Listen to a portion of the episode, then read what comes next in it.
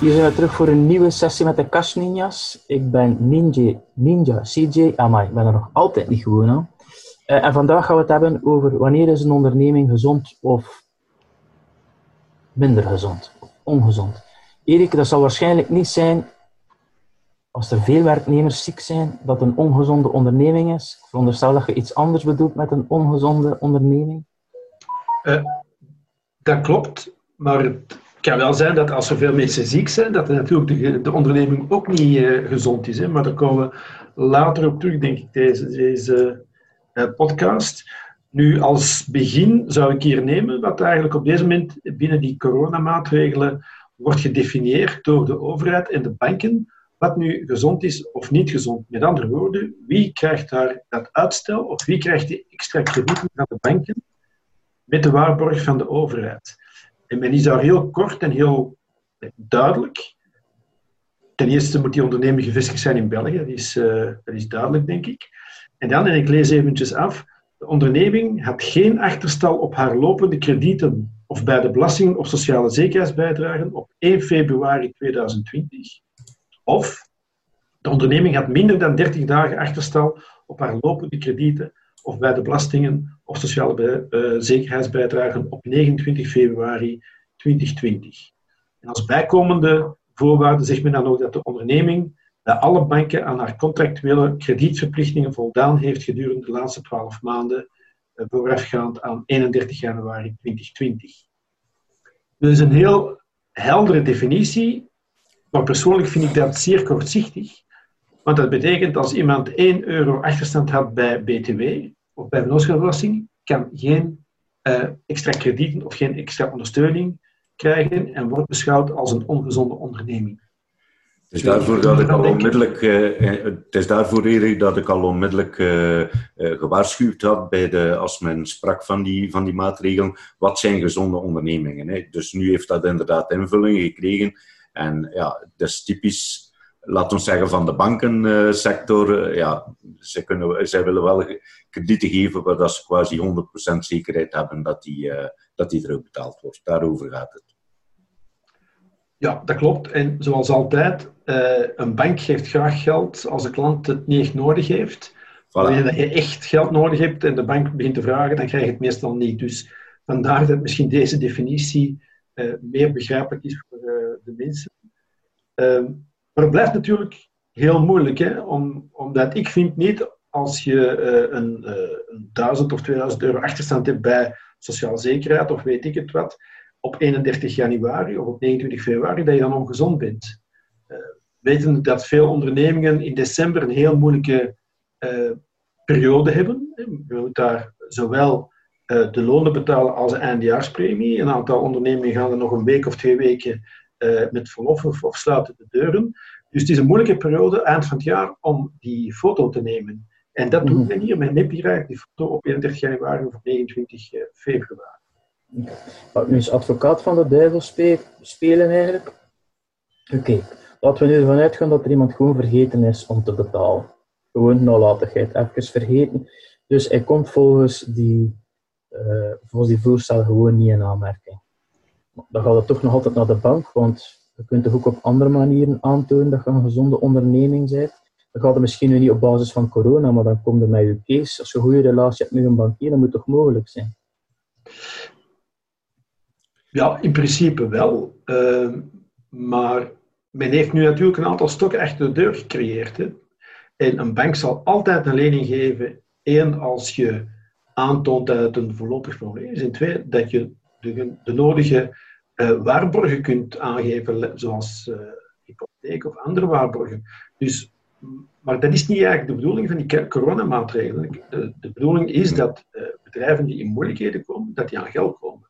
En als je ze dan gaat verdelen in, ja, eigenlijk had je geen enkel probleem op 29 februari en dan krijg je het, ofwel had je geen probleem, of, ofwel had je wel een probleem op 29 februari en dan krijg je het niet, ja, dan denk ik dat er heel veel ondernemingen in de problemen gaan. Maar, maar het klopt inderdaad. Het is, uh, Steven, het is volledig arbitrair trouwens. Dat kan, dat kan ook ongewild zijn. Hè. Iemand kan door een controle, een betwisting met een, met een btw-controle, er is ondertussen ingevorderd en zo verder. Die belastingsschuld blijft openstaan omdat die betwist is. En, en ja, dan heeft men achterstallige belastingen, hè, terwijl dat er eigenlijk mm ja, een grote kans is dat dat bijvoorbeeld niet gedaan is. Maar dat zijn eigenlijk achterstallige belastingsschulden. Hm.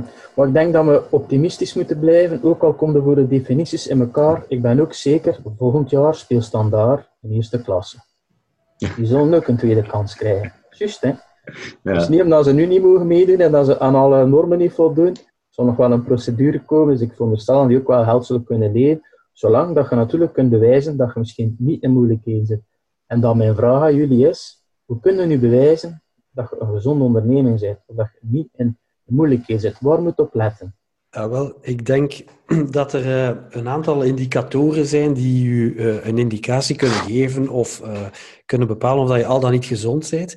Wat ik eerst nog zou willen zeggen is dat een heel goede relatie met uw bankier eigenlijk zeer belangrijk is. Hè? Want mm. we spreken daarover, zoals Erik aangaf, stel dat je een dag te laat hebt betaald, bij wijze van spreken, dan kom je niet in aanmerking. Als je goede verstandhouding hebt met je bankier, ga je al misschien een pakje verder geraakt, dan ga je al het een en het ander kunnen uitleggen. Dit terzijde. Um, ik denk als we spreken over de gezondheid van een onderneming, zijn er een aantal uh, financiële indicatoren uh, die daar iets kunnen over zeggen. Er zijn een aantal indicatoren die van niet-financiële aard zijn. Mm -hmm. Maar als ik denk aan die financiële indicatoren, dan hebben we klassiek ja, gewoon drie. Uh, dat gaat over solvabiliteit, liquiditeit en rendabiliteit. En heel kort, wat wil dat eigenlijk allemaal zeggen? Solvabiliteit gaat eigenlijk gewoon de verhouding gaan weergeven tussen uh, geleend geld en eigen geld die eigenlijk in uw vennootschap zit. Dus met andere woorden gaat eigenlijk de, ja, uw schuldpositie um, gaan, gaan bekijken. Um, of dat die solvabiliteit nu goed of slecht is, um, dat hangt af van een aantal, uh, een aantal factoren ook. En het is heel moeilijk om daar uh, arbitrair te gaan zeggen, uh, eh, 1 is goed en 1,5 is niet goed, bij wijze van spreken. Dat is heel afhankelijk van sector, uh, grootte van onderneming, noem maar op. Er zijn enorm veel parameters die daar een invloed kunnen op hebben. Um, maar dat is eigenlijk één zaak. De tweede zaak is liquiditeit. Ja, heel kort, liquiditeit, dat gaat over, over cash. Heb je voldoende middelen om uw verplichtingen die je op korte termijn moet nakomen, om die te betalen. Wat zijn korte termijn verplichtingen? Uh, uw lening aan de bank die je moet betalen, uw personeel dat je moet betalen, uw leveranciers dat je moet betalen, enzovoort enzovoort. Opnieuw hier, wat is een goede liquiditeit? Afhankelijk van sector tot sector. Er zijn, hè, daar hebben we al over gesproken in de podcast over werkkapitaal. Uh, je hebt sectoren waar je veel cash nodig hebt, je hebt er waar je weinig cash nodig hebt. Uh, afhankelijk. En dan de derde rendabiliteit um, gaat eigenlijk gaan uh, bepalen is of dat het geld dat geïnvesteerd wordt, of dat dat eigenlijk iets opbrengt of niet. Dus met andere woorden, dat is uh, heel simpel gezegd de winst dat je gerealiseerd gaat gaan afzetten ten opzichte van het geld dat je geïnvesteerd hebt. En dan gaat je zien of dat, dat iets opgebracht heeft of niet. Dus dat zijn eigenlijk drie indicatoren, financiële indicatoren, die vooral naar het verleden gaan kijken. Maar straks zullen we ook zien dat we die kunnen gebruiken om een beetje naar, uh, naar de toekomst te kijken. Maar dit is wat het financiële luik betreft, in een notendop. Maar zijn er ook niet-financiële indicatoren, heb ik hier horen zeggen. En wat zijn die dan? Ja, uh, in feite is zo, dus uh, er zijn heel wat indicatoren dat de onderneming uh, zich niet in niet zo springgezondheid bevindt. inderdaad, de financiële, nu het probleem met die financiële indicatoren die Louis daarnet aangehaald heeft, men gaat daar ook falingspredictie en zo verder gaan op doen. maar het probleem daarmee is dat dat altijd over het verleden gaat. En uw vraag daarnet, Steven, was van uh, ja, hoe kan ik. Uh, ik zit toch in zo'n situatie. Ik heb toevallig op, uh, ben ik vergeten betalen of ik heb een geschil met de belastingen en zo verder, waardoor dat ik achterstallige belastingsschulden heb. hoe kan ik dat gaan uitleggen aan mijn, aan mijn bankier? dat is gewoon door eigenlijk naar de toekomst te gaan kijken. En daar komen, we gaan we straks op terugkomen, dat is om uw, eh, om uw aangepast businessplan te gaan, te gaan bespreken met de bankier en om op basis van prognoses uw toekomstige rendabiliteit of solvabiliteit of liquiditeit te gaan bewijzen, laat ons zeggen, eh, op basis van de prognoses die je daarin opgenomen hebt. Dus niet naar het verleden gaan kijken, maar naar de toekomst gaan kijken. En dat, dat werkt. Dat heb ik inderdaad met een paar klanten ook in het verleden nog gedaan waarbij dat we dan wel uitgaan van een aantal, ehm, een aantal scenario's. Hè. Dus we hebben al een keer gehad over een optimistisch scenario, als alles perfect loopt. Uh, dan een pessimistisch uh, scenario als alles verkeerd loopt en iets zo, zo daar tussenin, dus een realistisch scenario. Nu wat de indicatoren betreft, ja, inderdaad, er zijn de financiële, inderdaad.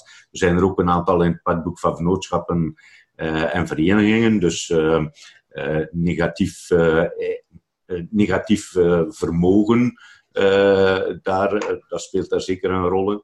Ehm, maar daarnaast zijn er inderdaad nog een aantal niet-financiële. en daar eigenlijk komt dat, dat staat ook in de in aanbeveling die gemaakt is, omdat uh, accountants en boekhouders en, revisoren die moeten eigenlijk een onderneming, als zij vinden dat die in, in uh, moeilijkheden kan geraken binnen een termijn van 12 maanden, moet die eigenlijk die, die accountant of die boekhouder uh, aan de alarmbel gaan trekken bij zijn klant. En uh, daarin staat onder andere bijvoorbeeld, dat kunnen ook zaken zijn, ja, leveranciers weigeren om, om te leveren zonder contante betaling. Eh, kan daar een van zijn. Alhoewel dat is ook min of meer een financiële dan. Maar bijvoorbeeld ook uh, ja, uh, hoge rotatie in het cliënteel, hoog, in, het, sorry, in, het, in het personeel, in de medewerkers. Of bepaald sleutelpersoneel dat niet meer wordt vervangen. dat kunnen allemaal, of sociale onrusten die er zijn. En dat zit mm -hmm. meer in de sector van, van de HR. Waarom? Eigenlijk uh, zijn, ik ben ervan overtuigd, een ondernemer is de eerste die aan zijn koud water bij wijze van spreken aanvoelt dat er iets mis aan het lopen is. Die voelt dat aan. Maar zijn probleem is, die ziet dat allemaal, ja, ik ga er nog wel, kan een nieuwe klant bijmaken en zo verder en dat komt allemaal mm -hmm. ziet allemaal een beetje rooskleurig. Maar op de tweede plaats ben ik ervan overtuigd dat het personeel dat ook heel snel aanvoelt. Uh, en ik heb uh, daar nog, nog uh, verhalen van gehoord. Uh, een personeelslid dat, dat, opgestuurd wordt voor een dringend stuk aan de machine te moeten met laten vervangen. Met een toeslag van 25 cent. Ja, en, en, die, en, die, en die verneemt van, van, van de leverancier aan de balie daar ja, dat er contant moet betaald worden. Dus die zal wel al weten dat er ergens iets aan de knikker is. Mm -hmm. Maar goed, lijkt dat je zegt, een ondernemer gaat toch zelf weten als het eigenlijk niet goed zit is op dit moment van de crisis ook niet belangrijk om te weten hoe dat zit met uw leveranciers en uw klanten? Hoe dat met hun gezondheid is, want dat gaat uw gezondheid misschien ook. Uh, ja, dat is juist. nu, ik, ik, heb er juist al gezegd, een ondernemer, ben ervan overtuigd dat hij het, het eerste gewaar wordt van, ja, het loopt niet lekker. Maar anderzijds, die, die zit nog met zijn roze bril op en dat gaat allemaal nog wel eh, passeren. En, en, en ook, we hebben dat vorige keer al gezegd in de vorige podcast, die, ja, die schermt zich nog af en die gaat desnoods met zijn leveranciers nog verstopperken gaan spelen. Hoe kun je dat als leverancier ja, zelf inderdaad uh, ook... Het is ook belangrijk dat je dat weet, uh, welke van je klanten dat, dat eventueel in moeilijkheden zitten. Uh, dat, dat, kan een indicatie zijn als je gewaar wordt dat u, dat u een uh, klant verstopper begint te spelen. U, ik vind dat een heel goede vraag van uh, Steven, omdat ik heb gisteren meegemaakt bij een klant van mij dat ik een mailtje kreeg, heel netjes van een bepaalde leverancier die gespecialiseerd is in bureaumaterialen op internet. En die zei van, kijk, we hebben jullie een factuur gestuurd. je liefde niet te betalen, want wij zijn failliet. Uh, en in meestal in die gevallen betaal je dus op voorhand. Dus wat bleek nu? Wij kregen dat bericht uh, gisteren. De hm. factuur was gemaakt op 20 maart. Die was netjes betaald op 30 maart.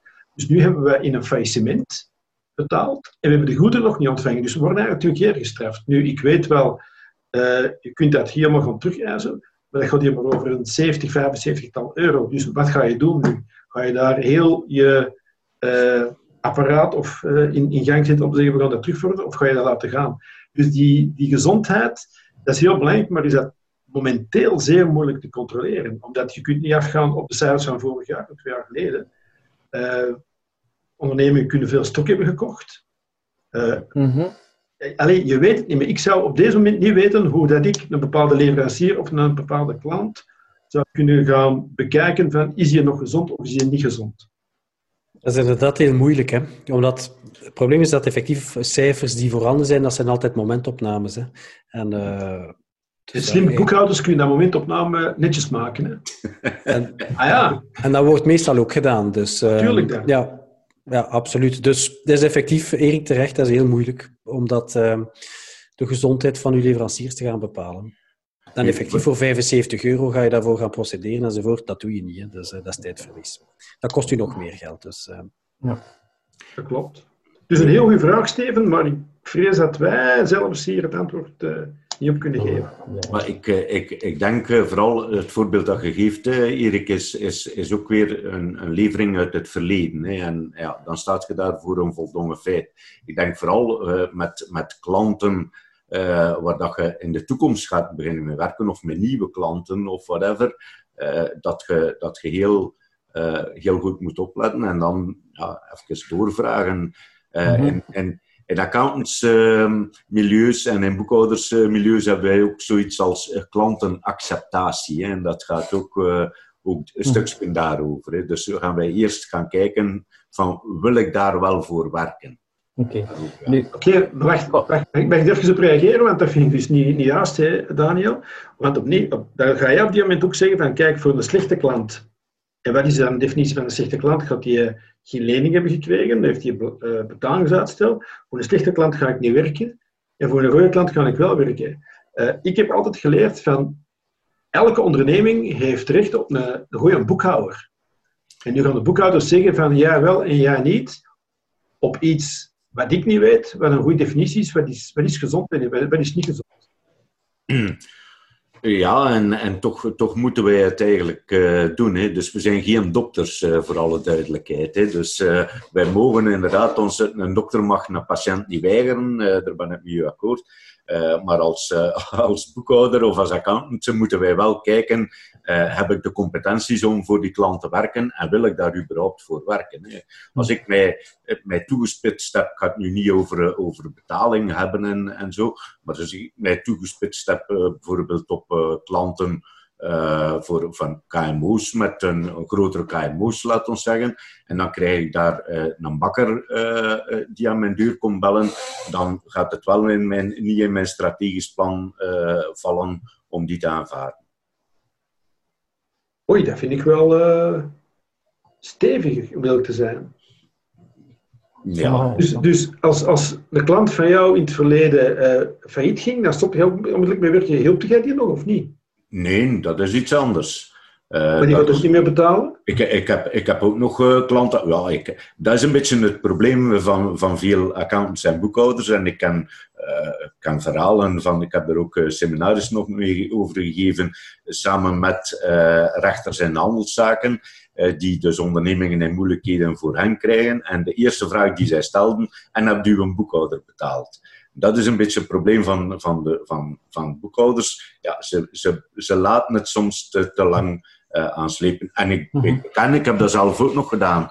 Uh, en ik heb zelfs op een gegeven moment tegen een man gezegd van, nu moet jij ermee stoppen. Want die was gewoon zijn eigen vermogen aan het opsoeperen. Ik had die macht niet om dat te doen, maar ik, ik, je Mhm. moogt wel stoppen met werken. Maar is dat, is dat niet geen goede indicatie om te zeggen, een gezonde onderneming is als je er je eigen geld te veel begint in te stoppen? Ja, inderdaad. Ja, dan, dan klopt er iets met de, eh, niet met de rentabiliteit of, of eh, dan wordt het, het werkkapitaal op, eh, uiteindelijk aangetast. volledig Ik denk- aangetast. Ik denk dat dat een terechte, een terechte opmerking is eigenlijk, Erik. Of een terechte stelling. Ehm, en dat is eigenlijk een heel gevaarlijke, maar je ziet dat wel vaak gebeuren eigenlijk. Hè, dat ondernemers hun eigen vermogen er blijven en blijven insteken. Ja, omdat ja, die emotionele betrokkenheid is groot en dat is vaak een eigen zaak of misschien een familiezaak en noem maar op. Dus dat is heel moeilijk. En daarom denk ik dat het heel belangrijk is om ehm, ja, wel af en toe uh, een uh, extern klankbord of uh, een extra paar ogen hebben die af en toe wel eens zonder die emotionele betrokkenheid kan zeggen van ja, hier houdt het op of je zegt dit en dat natuurlijk. En, en dat is die roze bril, Louis, waar ik het er net over had. die roze bril die die ondernemer nog altijd voor heeft. Van ja, het komt allemaal, allemaal nog wel in orde. Dus, want anders ja. zou hij ook zijn geld niet zomaar in een put gaan gooien. Hè. Dus, dus die denkt ja ik ga dat, nog wel, dat gaat nog wel opgelost geraken. Maar we zijn akkoord dat de stelling het komt wel goed meestal geen goed teken is. Als je dat begint te zeggen. Ja. Um, of niet altijd toch. Nee. Dat zijn alle ministers op dit moment. Het komt ja, allemaal maar, goed. Ja, maar, ja, maar daar bewijst je het, Steven. Dus. nee, het komt wel goed. Kan, kan wel juist zijn als je een goede reden hebt. Absoluut. Ja, dus het kan zijn dat je een probleem hebt dat een eenmalig is, en dat zegt men, mm -hmm. uh, heeft men ook uh, van de week gezegd op televisie. Maar kijk, dit is een probleem, corona, maar we weten dat dat weggaat. Ja, dan komt het wel goed. Maar als je inderdaad al jaren uh, zit te vechten en elk jaar er 30, 40, 100.000 euro in steekt, ja, dan komt het niet meer goed. Hè. Nee, absoluut. En zeker als je dat dan, als je dat dan al gaat doen zonder zonder een plan of zonder uh, een, een, strategie, ja, dan, dan zijn je sowieso verloren. Dat weet je op voorhand. Hè. Dus, en ik dacht ook, maar daar is Daniel meer expert over, dat hoe langer je wacht, hoe groter je verantwoordelijkheid wordt. Uh, of van uh, bestuurder of zaakvoerder. Klopt, en die is in het huidige wetboek van vernootschappen en verenigingen zeer hoog. Want daar moeten eigenlijk de, de bestuurders gaan gaan plannen voor de volgende twaalf maanden, of dat ze wel aan hun financiële verplichtingen gaat kunnen voldoen. Ik heb er ook al uh, van een advocaat een artikel over gelezen, eergisteren, uh, en, en die zei ook, ja, dat is een, een onbedoelde, want dat was een zeer goede wijziging in het wetboek van vernootschappen en verenigingen. Het was een zeer goed bedoelde regeling, waarbij eigenlijk een liquiditeitstest moet gedaan worden. Dus als nu een, een, een vennootschap dividend wil gaan uitkeren, uh, dan moet zij kunnen bewijzen dat zij de volgende twaalf maanden zal kunnen overbruggen. Maar nu in deze periode is dat zeer moeilijk. Welke ondernemer gaat met die regel durven een dividend uitkeren? Ja, op deze moment een dividend uitkeren zou ik ook onverstandig vinden voor je vennootschap los van het feit dat het zou onverstandig zijn. Maar er zijn, er zijn verschillende gevallen waarbij dat er uh, liquidatiereserves aangelegd zijn uh, van de vorige maatregel. Die mensen die hebben voldoende liquiditeiten en die kunnen nu voor de eerste keer voor dit jaar uh, dividenden gaan uitkeren. Geen vuiltje aan de lucht op dit moment. Die hebben voldoende cash. Want dat was zo gepland. Dat was een vijfjaar planning in feite. En ja, die gaan een, dat ofwel nu niet kunnen doen, ofwel een beetje met een zwaard van Damocles eh, nog twaalf maanden over hun hoofd hangen, of dat ze wel uh, uh, die periode rondkomen. Dus, ja, maar goed, dividend, als, ja, als je het niet zeker weet, als je gaat toekomen, dan moet je geen dividend uitbetalen. Dat is zo simpel gewoon. Ja, vind ik ook. Ja, ja, dat is het gezond verstand inderdaad. Ja, ja het is dat. Nee, zeg maar, Erik. Uh, nee, maar dus uh, het, het, het, andere ding dat we hier zeggen is van het moment dat je uh, ziet dat je in de problemen gaat komen, is zo snel mogelijk actie te nemen. Het is niet zo, zo lang mogelijk proberen te overleven, maar beter zo snel mogelijk ofwel WCO aanvragen of, ofwel de boeken neerleggen. Is dat, is dat juist wat ik nu zeg? Ja, ik ben daar... Zeg er moet, moet, eigenlijk een beetje een onderscheid gemaakt worden. We hebben het er in een vorige podcast ook al over gehad. Uh, uh, dan uh, moet er een beetje een onder, onderscheid gemaakt worden van de ondernemingen die al in de problemen waren. En dan komt dit er bovenop. En dan, ja, dan wordt het heel precair, laat ons zeggen. Hè? Want die, als die al in moeilijkheden zaten voor de corona, en die zijn nu verplicht gesloten, laat ons zeggen, ik denk maar um, een bepaalde horeca bijvoorbeeld. Dus, ik denk dat daar uh, ook nog wel wat lijken uit de kast gaan vallen, die misschien minder snel zouden, die nog langer zouden aangesleept hebben. Ik denk dat de coronamaatregelen dit proces in die gevallen zal versneld hebben. En dan is het inderdaad zaak om zo snel mogelijk uh, maatregelen te nemen. Iets anders is als er ondernemingen zijn die nu waar dat er eigenlijk geen vuiltje aan de lucht was tot 18 maart, laten we zeggen, en die nu voor een verplichte sluiting staan, ja, daar zou ik toch nog eventjes uh, niet te snel van stapel lopen, laten we zeggen. Wat denk jij, Louis? Ik denk dat um, uh, sowieso effectief absoluut niet wachten totdat het te laat is. Uh, en dat kadert een beetje in een onderwerp dat we al uh, een paar weken terug eigenlijk besproken hebben, is meten is weten eigenlijk. Hè. Dus normaal gezien, je raakt niet in moeilijkheden van dag 1 op dag 2. Hè. De, zoiets gebeurt niet uh, in één nacht, behalve nu deze uitzonderlijke maatregelen met verplichte sluitingen enzovoort. Maar even los daarvan, normaal gezien, als je een goed en gestructureerd financieel management hebt, zou je toch bepaalde trends moeten kunnen detecteren al een tijdje op voorhand eigenlijk. Uh, en effectief um, is het op die moment een zaak van, van een plan te maken en van, en van te anticiperen. Het is vooral dat, je moet eigenlijk anticiperen op moeilijkheden die gaan komen. En um, misschien niet altijd, maar in heel veel gevallen kun je die, uh, die moeilijkheden toch wel op een of andere manier zien aankomen eigenlijk. Steve, heb jij ervaring met klanten vroeger die in moeilijkheden kwamen? Uh, eerlijk gezegd, in mijn huidige werkactiviteiten uh, niet. Uh, het bedrijf waar ik vroeger gewerkt heb, natuurlijk zijn we wel geconfronteerd geweest met klanten die niet betaalden. Maar natuurlijk, dat was een multinationale onderneming en dan probeer je een beetje in te schatten van oké, over wat gaat het? ik denk een van de eerste regels die we altijd proberen te doen, was eigenlijk om toch de verkoper een gesprek te laten hebben met de klanten eh, als er nieuwe bestellingen binnenkwamen, om, om eigenlijk te zeggen van, ja, nu zit het eigenlijk over een bepaald limiet en elk bedrijf moet bepalen hoe groot dat die limiet is die je aan kunt. Hè. Dus we hebben dat dan gedefinieerd voor onze klanten van hoeveel kan een factuur, welk bedrag mag er maximum openstaan en hoe lang. Um, dan gaan we op een bepaald moment uh, die klanten erop aanspreken. Um, proberen we een afbetalingsplan te doen. En als het echt direct uh, te erg is, vragen dat klanten inderdaad voor de volgende bestelling eerst betalen en dan in de volgende maanden eigenlijk de rest die in de stond afbetalen eigenlijk. Dat was een beetje de strategie die wij probeerden te volgen met onze klanten eigenlijk. Ja. Um, en dan heb je natuurlijk, ja, wat als een bedrijf failliet gaat, dat is inderdaad de vraag van, oké, okay, ga ik er mijn tijd in steken om geld terug te claimen of niet? En dat is dan weer terug afhankelijk van hoeveel dat bedrag is. Hè. Een bestelling van 1000 euro, in dat geval ging dat gewoon weggevallen zijn, ja, is dat 100.000 euro, ja, daar gingen we er al moeite voor doen. En was dat dan nog boven een bepaald uh, geval, dan moesten we zelfs eigenlijk een uh, publiek announcement maken, omdat dat natuurlijk een grote impact op onze onderneming zou kunnen hebben. Maar ik heb dat nooit niet meegemaakt dat dat nodig was. Uh, maar voor beursgenoteerde bedrijven is dat bijvoorbeeld nodig. Ja. Maar dat betekent dus wel dat jullie er elk jaar vanuit gingen dat jullie een bepaald procent van jullie klanten niet gingen ontvangen. Uh, wij deden er alles aan om. Wij wisten goed wie dat de klanten waren die, die minder goed waren eigenlijk. Wij deden altijd een risicoanalyse, risico-opportuniteiten. En een van die onderdelen was gewoon, gaan we betaald worden door klanten, zien we momenteel. Uh, er was ook een strikte uh, credit management policy. Oké, okay, daar werd er in eerste instantie wel gekeken naar het, het verleden, maar niet iedereen kon zomaar een distributeur bijvoorbeeld worden van bedrijf. er waren toch een aantal voorwaarden waar je moest voldoen. Maar dat is, het, eh, dat is de klantenacceptatie waar ik het er net over heb, Steven, ja. Eh, die je dan eigenlijk uh, op voorhand gaat doen.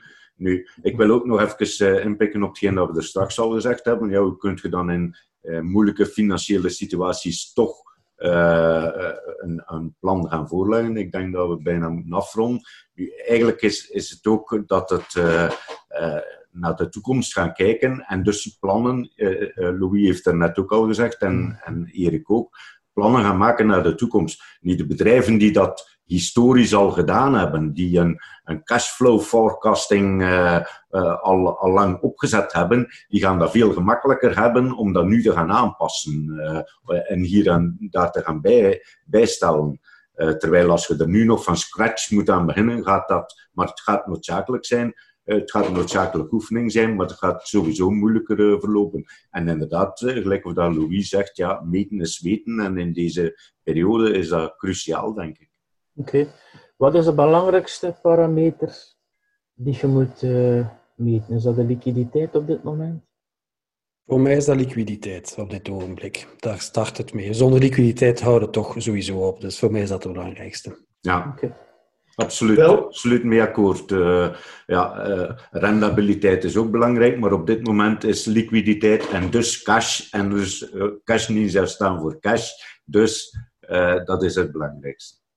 Wel, ik ben er niet helemaal mee eens. Inderdaad, liquiditeit is momenteel heel belangrijk en veel belangrijker dan solvabiliteit en rentabiliteit, omdat de meeste mensen die begrip ook niet kennen. Maar wat zij wel weten, is die cash, wat heb ik op mijn rekening staan, dat stukje liquiditeit.